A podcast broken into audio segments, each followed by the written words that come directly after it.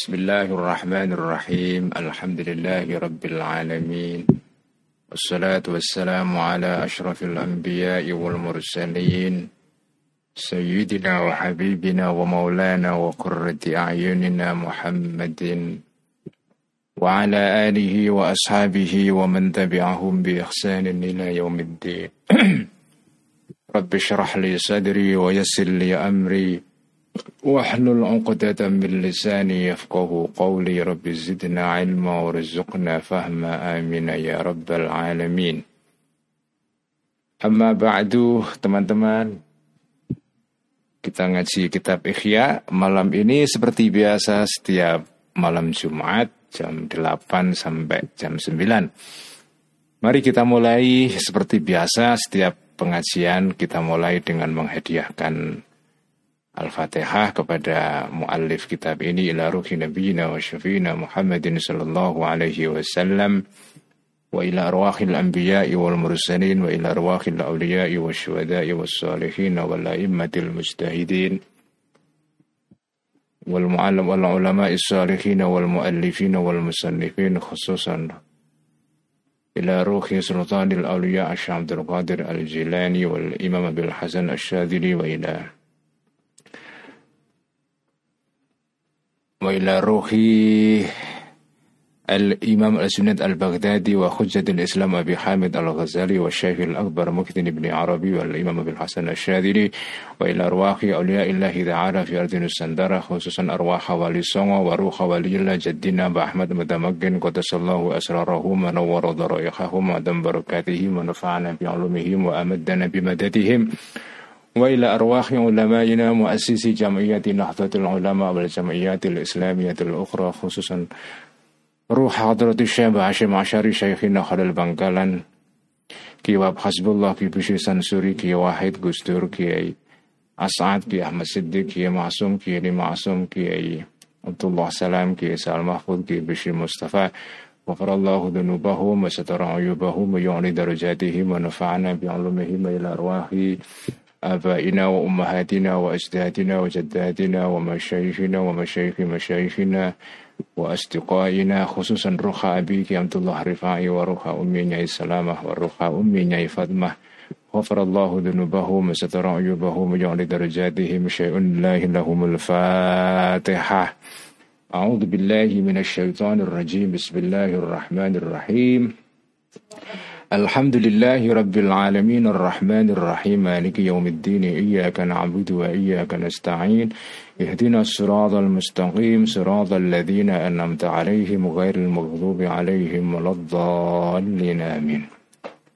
بسم الله الرحمن الرحيم قال المؤلف رحمه الله تعالى وأدام النفع به وفي علومه في الدارين آمين.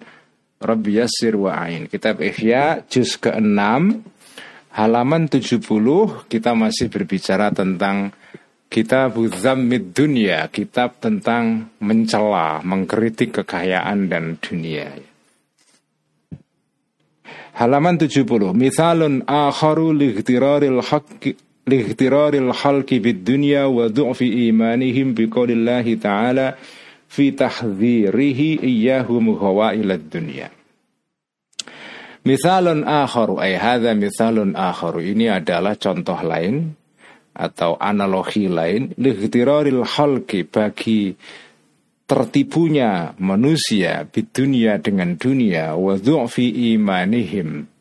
Dan lemahnya imannya al khalaq manusia uh, iman biqaulillahi ta'ala dengan firmannya Allah ta'ala firmannya Allah mengenai apa fi takhdirihi di dalam atau tentang memberi peringatannya Allah iyahum terhadap al-khalqi terhadap manusia tadi al-khalqa memberi peringatan bahwa ila dunia terhadap bahaya-bahaya dunia. Qala berkata Al-Hasanu Imam Al-Hasan Al-Basri rahimahullah ya setiap ada nama Al Hasan disebutkan di dalam kitab-kitab tasawuf atau kitab pada umumnya maka yang dimaksud adalah Al Imam Al Hasan Al Basri ya, ini seorang tabi'in besar ya, tabiin besar ulama yang juga dianggap atau merupakan rawi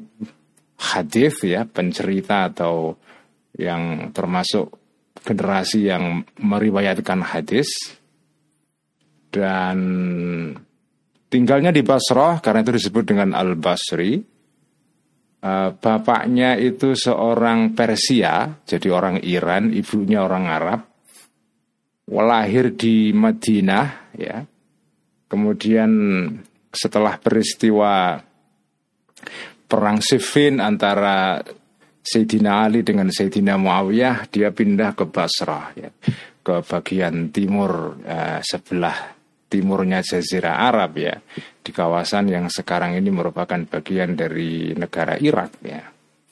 Nah, Imam Al Hasan Al Basri ini dianggap sebagai tokoh sufi generasi pertama ya. Karena hidupnya itu di uh, tahun tahun eh, 100 pertama ya di dalam kalender Islam karena itu dianggap dia merupakan generasi At-Tabi'un ya. Meninggalnya tahun 110 uh, Hijriah ya. 110 Hijriah itu ya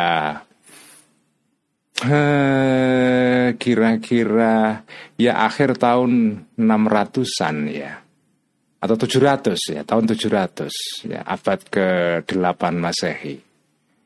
Uh, sebagai perbandingan Imam Syafi'i pendiri madhab Syafi'i yang banyak diikuti di Asia Tenggara termasuk di Indonesia itu meninggalnya tahun 204 Hijriah. Jadi satu abad setelah Imam Al Hasan Al Basri ini. Al Hasan Al Basri itu meninggal tahun 110 Hijriah. Dia hidup pada masa negara uh, Amawiyah, Daulah Umayyah ya, Bani Umayyah dia hidup pada masa khalifah ya Bani Umayyah yang ke-8 kalau tidak salah namanya Umar bin Abdul Aziz ya. Uh, khalifah ke-8 dalam dinasti Umayyah uh, disebut sebagai Umar kedua ya karena karena sifat keadilannya mirip dengan Umar Sayyidina Umar bin Khattab maka disebut sebagai Al Umar Athani ya. namanya Umar bin Abdul Aziz bin uh, Hakam ya bin Hakam yang merupakan apa namanya ya bagian dari keluarga penguasa Bani Umayyah ya. Jadi Imam Al Hasan Al Basri itu hidupnya sezaman dengan Khalifah Umar bin Abdul Aziz. Karena itu di dalam kitab Ihya kita sering kali mendengar atau membaca cerita-cerita kisah-kisah tentang Imam Hasan Al Basri yang berkirim surat dengan khalifah-khalifah pada masa Bani Umayyah, misalnya Khalifah Umar bin Abdul Aziz eh, atau khalifah sebelum Umar bin Abdul Aziz yaitu Sulaiman bin Hakam ya, Sulaiman bin Hakam atau Marwan bin Hakam ya. Eh, dia banyak berkirim surat dengan eh, penguasa-penguasa pada masa dinasti Bani Umayyah. berkirim suratnya bukan minta jabatan, bukan ya berkirim suratnya adalah untuk nasihati para penguasa-penguasa pada zamannya. Dan dan Imam Al Hasan Al Basri ini menjadi contoh ideal bagaimana hubungan antara seorang ulama dengan umaro ya. Uh, Imam Hasan Al Basri ini uh, ya apa namanya menjalankan fungsi yang seharusnya yaitu ulama itu fungsinya ya memberikan nasihat, kritik, memberikan peringatan kepada penguasa kalau penguasa itu menyimpang. Itulah teorinya Al-Ghazali mengenai hubungan antara ulama dengan umaro. Jadi ulama itu bukan bagian dari kekuasaan. Ulama itu di luar kekuasaan. Tetapi juga bukan merupakan lawan kekuasaan atau oposisi, bukan. Ya. Tetapi tugasnya adalah menasehati, memberikan masukan, peringatan, ya kalau diperlukan memberikan kritik juga kepada penguasa. Nah, ini Imam Al Hasan Al Basri ini juga merupakan tokoh sufi pertama dalam sejarah Islam karena itu sering kali kita baca kisah-kisah dan apa ucapan-ucapan surat-surat beliau sering dikutip dalam kitab-kitab tasawuf ya. Kala berkata Al Hasanu Imam Al Hasan Al Basri rahimahullah balagha. Apa kata Al Hasan Al Basri balagha sampai ini kepadaku anna Rasulullah sesungguhnya Rasulullah Shallallahu Alaihi Wasallam. Kala berkata Rasulullah li ashabihi kepada sahabat-sahabatnya kanjeng Nabi.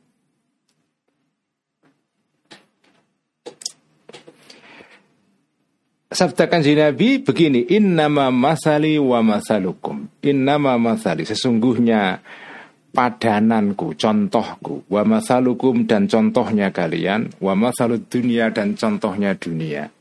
Itu kamasali kaumin seperti contohnya suatu kaum, suatu masyarakat. Salaku yang menempuh, yang berjalan kaum ini mafazatan di tengah padang pasir, wabroa yang berdebu. Di tengah padang pasir yang berdebu, hatta idza lam yadru. Uh, hatta idza lam yadru ya. Atau yadru Daro yadru ya. Hatta idza lam yadru sehingga ketika tidak mengetahui para kaum tadi ma jalan salaku yang menempuh kaum tersebut minha dari padang pasir tadi aksaro tidak menempuh ya apa namanya tidak eh, apa namanya eh, aksaro lebih banyak dari yang sudah mereka tempuh. Artinya mereka sudah sampai ke jalan buntu kira-kira gitulah.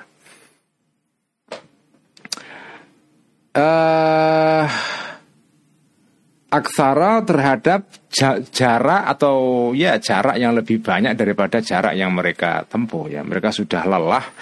Auma atau tidak menempuh jarak bagia yang tersisa uh, jarak tersebut. Ketika mereka sudah capek sudah ya berjalan di tengah padang pasir saking lelahnya mereka sudah tidak bisa lagi melanjutkan perjalanan. Anfadu mereka berhenti ya. Mereka berhenti di tengah padang pasir kemudian anfadu. Mereka pada mereka menghab, maka menghabiskanlah mereka ini kaum ini azada sangu mereka apa tahu modal atau bekal mereka.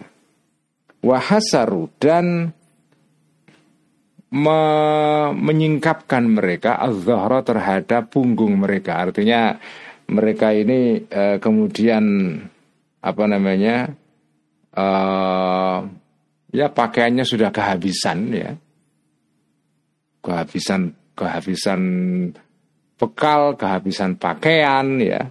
Kemudian wabakau dan tinggallah para kaum tersebut bainal zohronayil mafazadi di antara punggung apa namanya kedua punggungnya eh, padang pasir itu artinya mereka kemudian berhenti di di di tengah-tengah padang pasir itu.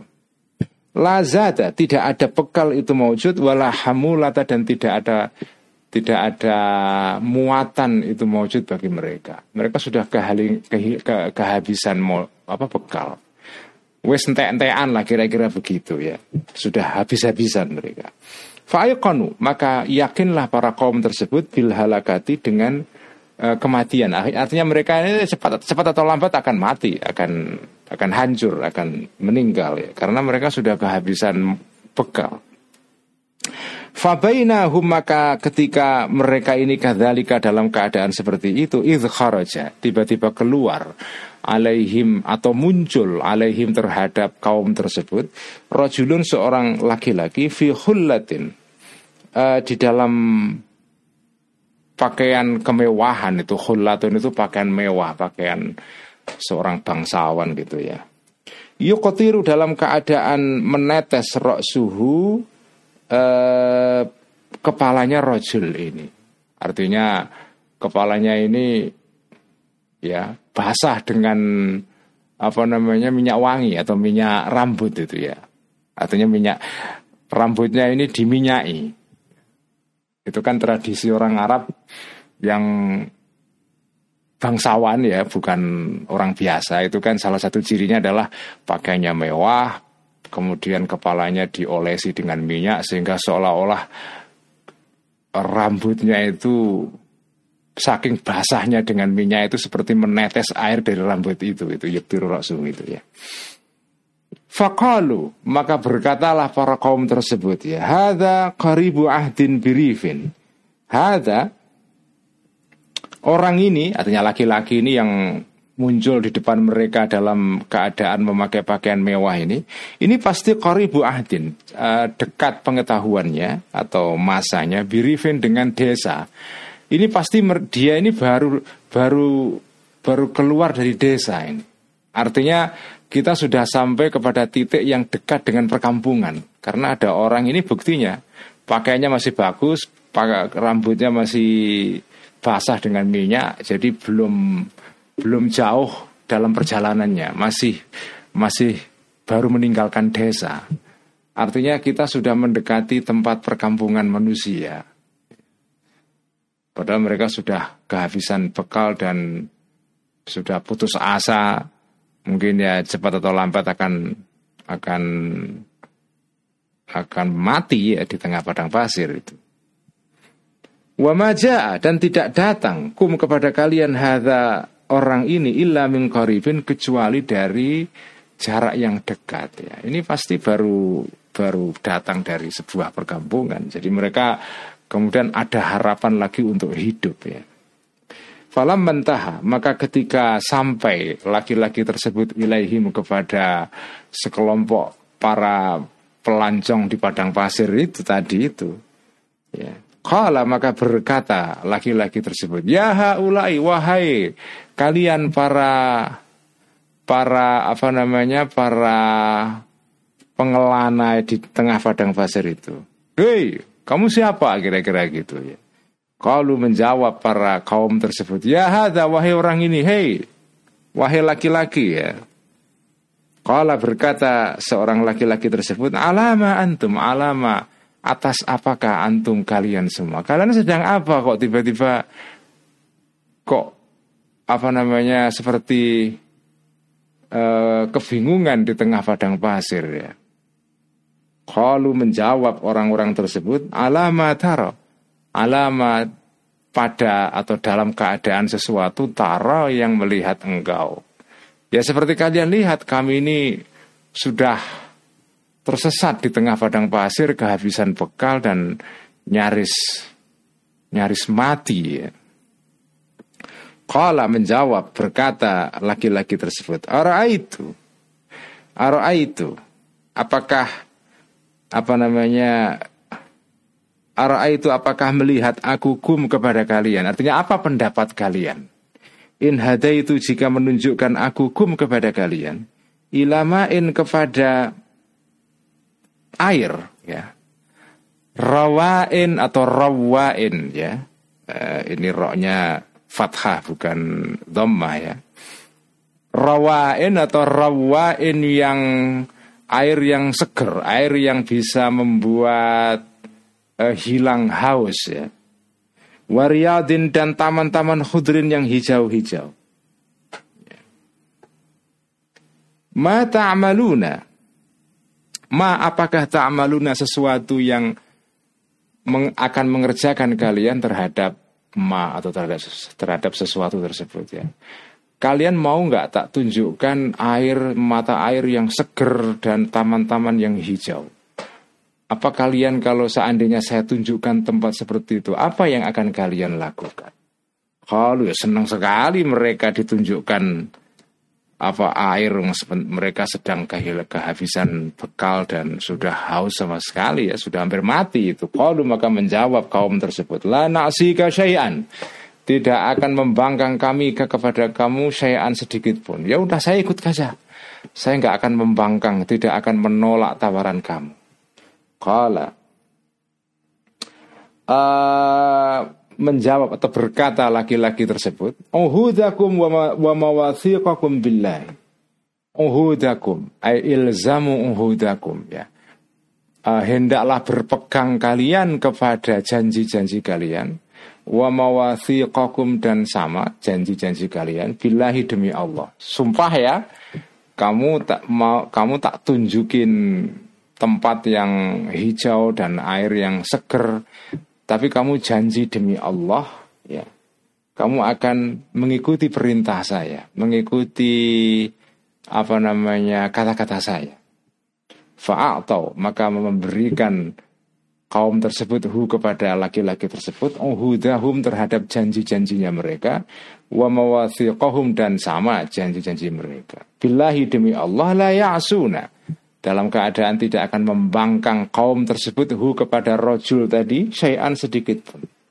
Kala maka berkata Kala berkata Imam atau kala berkata uh, Imam Hasan Al Basri sebagai pencerita atau perawi cerita ini. Kala berkata Imam Al Hasan Al Basri fa'aurata atau kala berkata kanji Nabi juga bisa karena ini kan mengisahkan perkataan kanjeng Nabi. Kala berkata kanjeng Nabi fa'aurata maka membawa laki-laki tersebut hum kepada kaum tadi ma'an kepada air rawaan yang segar sekali wariyadan dan taman-taman khudran yang hijau-hijau famaka maka tinggallah laki-laki tersebut fihim di antara kaum tadi ma waktu ya masa sya'a yang menghendaki Allah Allahu Allah kepada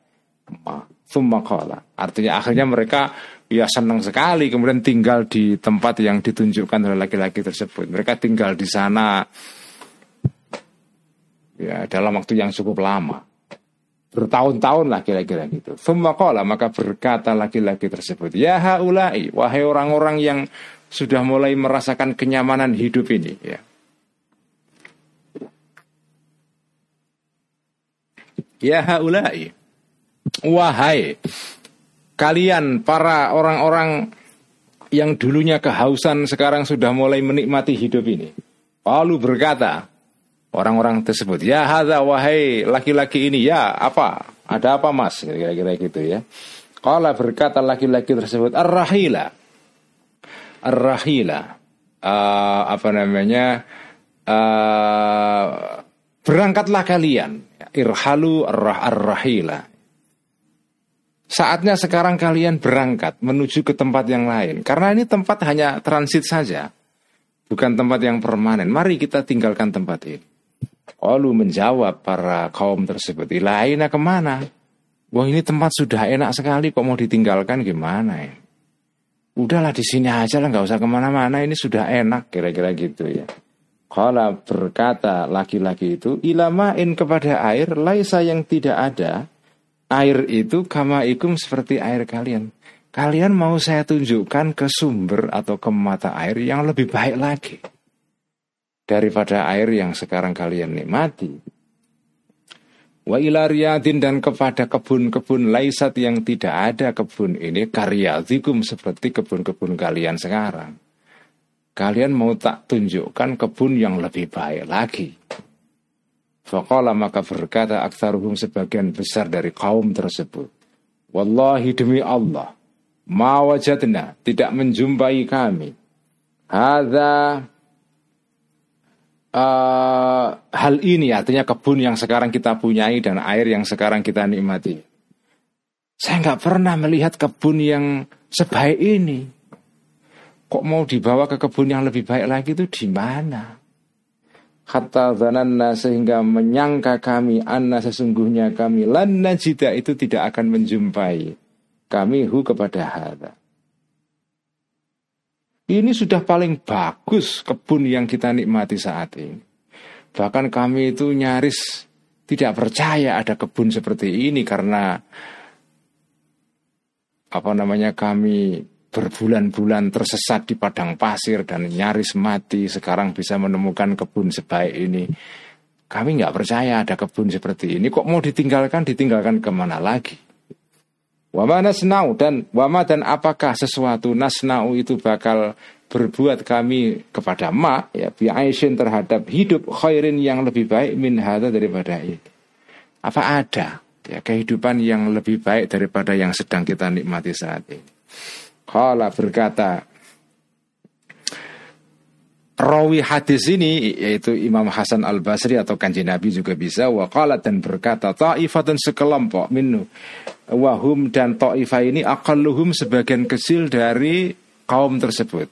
Jadi sebagian besar orang-orang yang sudah menikmati hidup nikmat ini di taman yang ditunjukkan laki-laki tersebut ya, mereka menolak untuk pergi. Mereka sudah menemukan wilayah nyaman itu ya. Sudah menikmati comfort zone. Nah, inilah manusia itu ya. Orang kalau sudah menikmati uh, wilayah yang nyaman, ya mereka akan malas meninggalkannya. Padahal ada ada wilayah lain yang jauh lebih baik, lebih menantang dan lebih memberikan kepuasan. Tetapi karena mereka sudah terpikat dengan keadaan yang sudah mereka nikmati saat ini, mereka tidak mau meninggalkannya. Nah ada orang yang siap meninggalkan kenyamanan ini, tapi sedikit jumlahnya. Wahum akalluhum tadi itu ya. Nah kelompok kecil ini berkata begini, Alam tu'tu tidak akan memberikan kalian wahai kawan-kawanku. Hadar rajula laki-laki ini uhudakum janji-janji kalian. Mawathiqakum dan dan ya janji-janji kalian juga billahi demi Allah Allah ta'sau atau Allah ta'su ya Allah ta'sau atau Allah ta'su untuk tidak membangkang kalian hu kepada laki-laki ini. Syai'an sedikit pun waqad sadaqakum dan telah percaya laki-laki ini kum kepada kalian fi awali hadithi di dalam percakapan pertamanya laki-laki tersebut. Ya kalian kan sudah janji ketika laki-laki dulu memberikan laki-laki ini ya dulu memberikan uh, tawaran untuk menunjukkan tempat yang nyaman dan sumber mata air yang bagus. Kalian kan sudah janji tidak akan membangkang, tidak akan menolak uh, permintaan laki-laki ini suatu ketika, suatu hari ya. Lah kok sekarang kalian menyalahi janji kalian yang dulu sudah pernah kalian berikan kepada laki-laki tersebut. Fawallahi maka demi Allah la yusaddiqannakum. kalian di awal dulu sudah janji. Sekarang layusaddiqannakum atau layasduqannakum ya karena tadi lafalnya waqad sadaqakum. Jadi ya sekarang bacanya layasduqannakum ya, yakti atau pasti atau apa ya ini lama lam lam uh, litakid ya la yusaddiqan la, maka pasti akan apa ya percaya laki-laki ini kum kepada kalian fi akhiri di dalam akhirnya laki-laki ini. Dulu dia percaya kepada janjinya kalian sekarang mestinya dia juga percaya kepada janji kalian. Artinya kalian harus menepati janji. Faraha maka uh, maka pergilah ya. Laki-laki tersebut fiman bersama orang-orang ittaba'ahu yang mengikuti orang-orang ini hu kepada laki-laki tersebut watakhallafa dan tinggallah dan apa namanya dan tinggallah baqiyatuhum uh, sisa dari kaum tadi. Fabadaro maka segera menyerang bihim terhadap kaum yang tinggal di tempat nyaman itu aduun seorang apa namanya para musuh-musuh faasbahu maka jadilah kaum tersebut mimbaini asirin maka menjadilah kaum-kaum yang tertinggal tadi itu mimbaini asirin di antara orang-orang yang di ditawan sebagai tawanan perang wakatilin dan orang-orang yang dibunuh. Jadi karena mereka memilih wilayah aman, wilayah nyaman, tidak mau pergi, akhirnya mereka menjadi korban dari kenyamanannya mereka itu. Nggak lama setelah laki-laki tersebut meninggalkan kawasan itu, tiba-tiba ada musuh datang menyerang orang-orang yang tinggal itu. Nah, inilah contohnya. Ini ini contoh atau analogi atau pasemon ya uh, apa namanya sanepo ya dalam bahasa Jawa sanepo. Inilah saneponya dunia.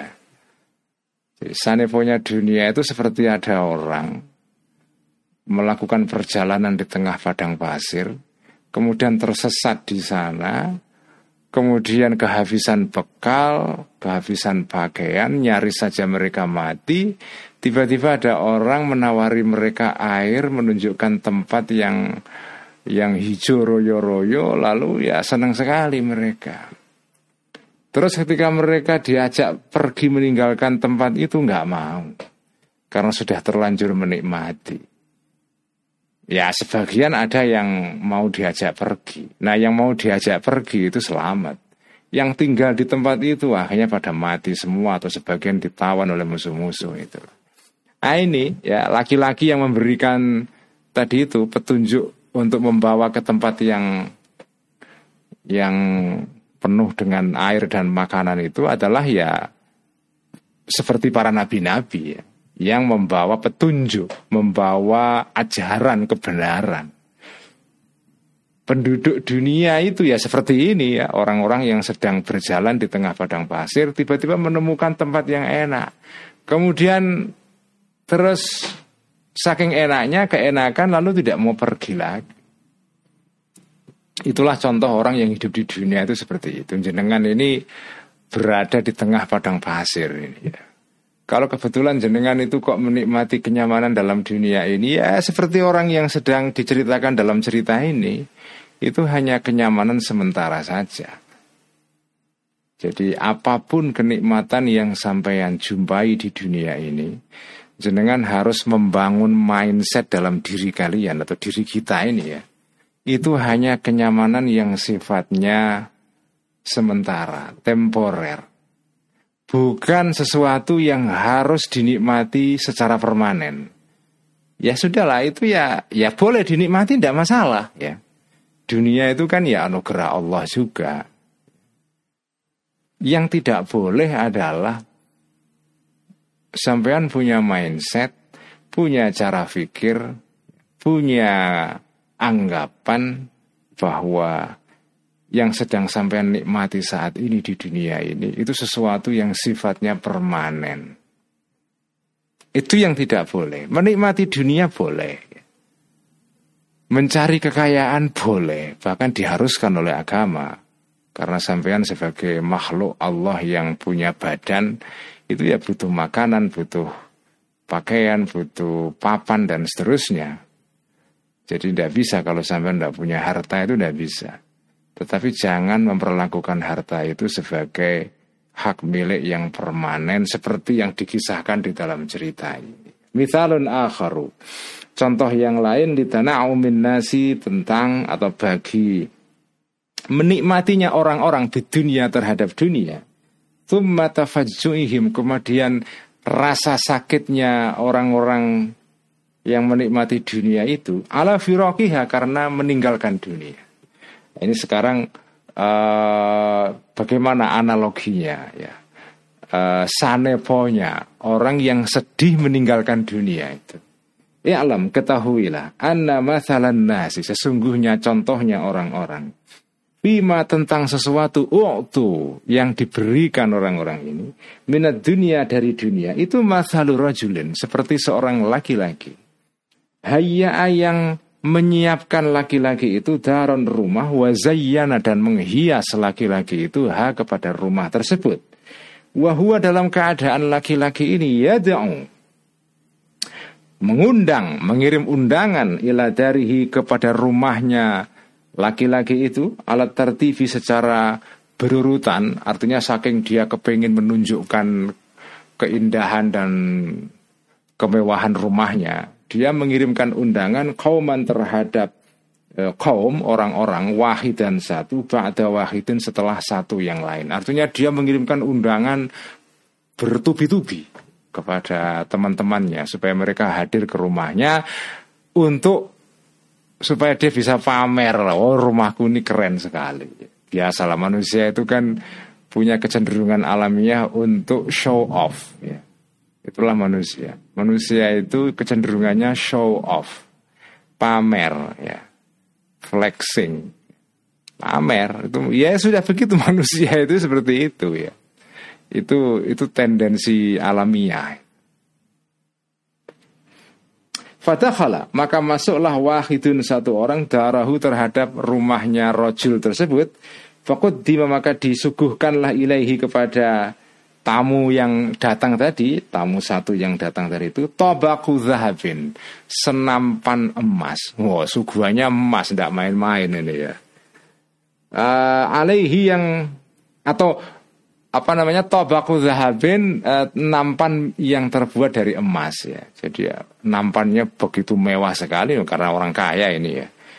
Nampannya terbuat dari emas. Alaihi yang di atas nampan ini buhurun ada ada wewangian-wewangian ya. Menyan-menyan kalau dalam bahasa kita di Jawa ini. Waroyahinu dan parfum-parfum liya syumma supaya membaui supaya merasakan wanginya uh, wewangian itu ya liyasumma supaya membaui wahid tadi hu kepada uh, apa namanya tabaku zahabin tadi waya teruka dan apa namanya dan meninggalkan laki-laki pemilik rumah tersebut hu kepada nampan tadi liman bagi tamu yalhaku yang yang menyusul uh, man ini hu kepada tamu yang satu tadi artinya nampannya nggak diambil ya.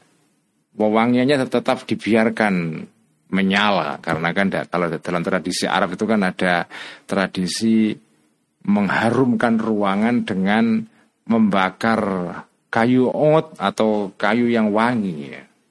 Jadi dia setelah tamu yang satu pergi tidak dimatikan itu menyannya itu dibiarkan hid, apa, uh, menyala supaya nanti bisa di bisa dinikmati oleh tamu berikutnya. Uh, la liyatamallaka tidak untuk memiliki wahid ya tamu tadi hu kepada tobak wayak dan mengambil tamu tadi hu kepada tobak kepada nampan tadi.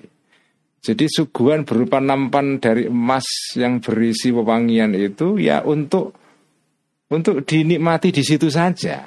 Bukan dibawa pulang ya. Bukan dibawa pulang nggak boleh itu. Itu hanya di kamar tamu itu aja. Fajahilah maka maka tidak tahu, maka bodohlah, ya, tidak mengerti. Tamu tadi itu rosmahu terhadap aturan ya aturannya pemilik rumah tadi. Dia tidak ngerti aturannya itu kalau ada orang bertamu kemudian disuguhi nampan disuguhi tempat buhor tempat wewangian. Itu ya bukan tempat wewangian itu dibawa pulang. Nah, ini dibawa pulang ini. Ini karena tidak tahu mau dibawa pulang. Fadhanna maka menyangka wahid tadi anau sesungguhnya tobaku dahabin nampan dari emas tadi itu kot wuhibah telah diberikan ya, nampan itu atau di, diberikan dihadiahkan zalika nampan tadi lahu kepada tamu itu dia mengira ini suguhan ini bukan hanya disuguhkan untuk dinikmati di ruang tamu itu saja. Dia mengira itu ya diberikan, dihadiahkan, bawa pulang. Ta'ala kok maka ber apa maka kumantil, maka melekatlah tamu tadi itu bihi terhadap atau dengan uh, nampan emas itu. Fata'ala kok maka melekatlah ya bihi dengan nampan emas tadi itu kolbuhu hatinya tamu tersebut. Lima karena sangkaan dhanna. Lima dhanna karena sangkaannya tamu tersebut. Annau sesungguhnya nampan itu lahu bagi atau diberikan bagi tamu itu. Falam masturji'a Maka ketika diminta balik Nampan itu minhu dari tamu tersebut. Dojiro Dojiro maka sedihlah tamu itu watafajja'at dan merasa sakit tamu itu. Ulung itu bukan dibawa pulang kok, itu bukan dikasihkan ke dia, itu hanya untuk mengharumkan ruangan saja. Begitu dia membawa pulang nampan emas itu dan diminta balik, sakit hati dia, tidak mau. Waman dan Barang siapa karena orang ini aliman mengerti orang tersebut birasmi dengan aturannya pemilik rumah tadi itu, maka intafa maka mengambil manfaatlah orang itu fihi dengan nampan tadi wasyakaro dan men mensyukuri atau bersyukur orang itu tamu itu hu kepada pemilik rumah tadi. Warat dan mengembalikanlah ya mengembalikanlah tamu itu hu kepada nampan emas tadi itu beauty bati dengan hati yang yang yang rela ya dengan rela kerelaan hati wan syirahi sadrin dan terbukanya dada. Mungkin ini hanya dipinjamkan sementara saja, diminta balik udah dikasihkan saja. Ya. Yang penting dia sudah bisa menikmati wanginya ruangan itu sementara ya. Begitu dia pulang ya balikin lagi ya. Fakadhalika maka begitulah man barang siapa arafa mengerti orang ini sunnatullahi aturan hukumnya Allah di dunia dalam dunia. Jenengan di dunia ini itu diberikan banyak nikmat dan segala macam. Itu seperti tamu tadi itu loh. Tamu ya disuguhi makanan. Makanan itu ditempatkan di piring, disuguhi minuman, taruh di gelas. Gelasnya bagus, ini ada tamu yang tidak ngerti aturan. Ya, setelah disuguhi apa namanya wedang, ya, minuman, cangkirnya bagus, tertarik dia, bawa pulang. Ayah lucu, tamu seperti ini itulah contohnya orang yang hidup di dunia, ya, diberikan nikmat oleh Allah. Nikmat itu semestinya pinjaman saja. Begitu diminta balik, nggak mau, marah atau bahkan sedih itu. Ini seperti tadi itu orang bertamu setelah pulang piring dan gelasnya pemilik rumah dibawa pulang. Ini tamu yang tidak ngerti urusan ini. Diminta balik nggak boleh. Jadi orang yang mengerti aturan Allah tentang dunia ini alima. Mengerti, maka mengetahuilah orang tersebut anna sesungguhnya sesungguhnya dunia itu adalah daru diafatin, rumah pertamuan ya, atau rumah untuk bertamu. Itu daru diafat. Dunia itu hanya tempat bertamu saja. Tamu itu ya ya selama-lamanya orang bertamu itu berapa hari sih dalam tradisi Arab orang bertamu itu paling lama ya tiga hari. Ya tiga hari setelah tiga hari tidak lagi dianggap tamu dia kecuali tamu hotel ya lain lagi. Tapi kalau tamu yang biasa bertamu ke rumah kita itu ya paling lama tiga hari. Setelah itu ya harus pergi. Lah kalau ada tamu kok terus kemudian tinggal di rumah orang yang ditamui permanen. Nah itu namanya bukan tamu itu tamu kurang ajar itu. Sebilat ya. Jadi dunia itu adalah rumah untuk bertamu. Sebilat yang disediakan daru diafa ini alal mujtazina terhadap orang-orang yang lewat La alal mukimina tidak disediakan kepada orang-orang yang berniat mukim ya. Jadi dunia ini tempat transit saja disediakan kepada orang yang ya transit ya. Bukan orang yang ber, berniat untuk mukim secara permanen, bukan. Lihat azawadu supaya mengambil bekal para orang-orang yang lewat tadi minha dari daru diafa dari tempat perjamuan tadi tempat bertamu tadi wayantafi'u dan mengambil manfaat mereka bima dengan sesuatu fiha yang ada di rumah tadi. Kama yantafi'u sebagaimana mengambil manfaat al musafiruna orang-orang musafir bil awari jamik zamannya kata atau nawari dengan hal dengan barang-barang yang dipinjamkan itu dengan bepergian ya. Dalam tradisi Arab itu uh, ada tradisi di tengah-tengah padang pasir yang dilalui orang-orang yang suka melewati kawasan itu. Tuh kadang-kadang dibangun rumah-rumah uh, perhentian sementara rumah transit ya di situ orang bisa tinggal sehari dua hari sekedar untuk istirahat sebentar ya. Nah itu ketika mereka mampir di rumah perhentian atau transit itu ya mereka dipinjami ada dipinjami sabun, handuk, dipinjami sikat gigi, apa bantal, kasur, selimut untuk tidur aja. Pinjaman itu bukan bukan kemudian nanti kalau sampai pergi terus dimiliki bukan ya.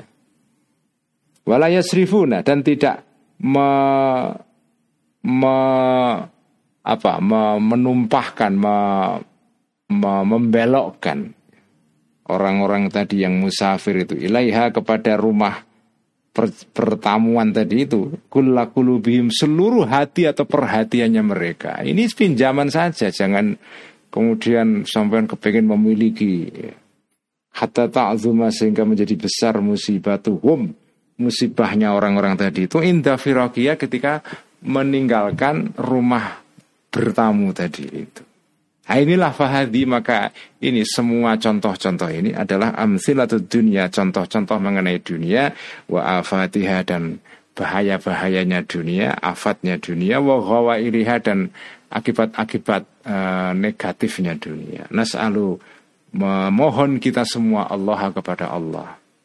Al-Latifa yang maha pemurah, Al-Khabira yang maha mengetahui memohon husnal auni baiknya pertolongan bikaramihi dengan uh, apa namanya kedermanan Allah kederma kedermawanannya Allah wahilmihi dan sabar kesabarannya Allah.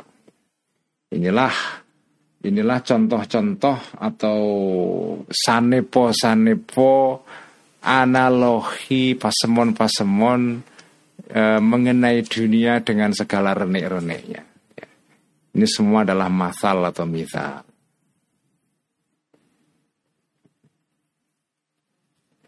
Bayanu haqiqatid dunia wa mahiyatiha fi haqqil abdi wallahu a'lam bisawab. Kita ngaji ya sekian saja malam ini nanti kita teruskan minggu depan ngaji kitab Al-Iqtisad fil I'tiqad ya. Mari kita tutup seperti biasa dengan bacaan salawat bil qudum.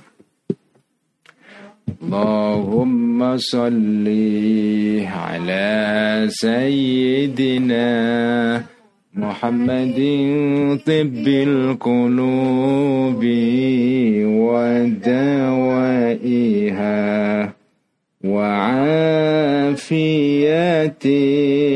الأبدان وشفائها ونور الأبصار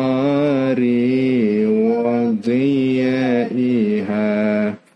وعلى آله وصحبه وسلم. اللهم صلِّ على سيدنا محمد طب القلوب ودوائها وعافية الأبدان وشفائها ونور الأبصار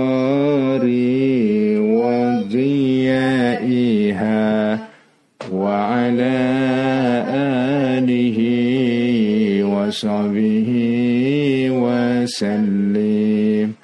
اللهم صل على سيدنا محمد طب القلوب ودوائها.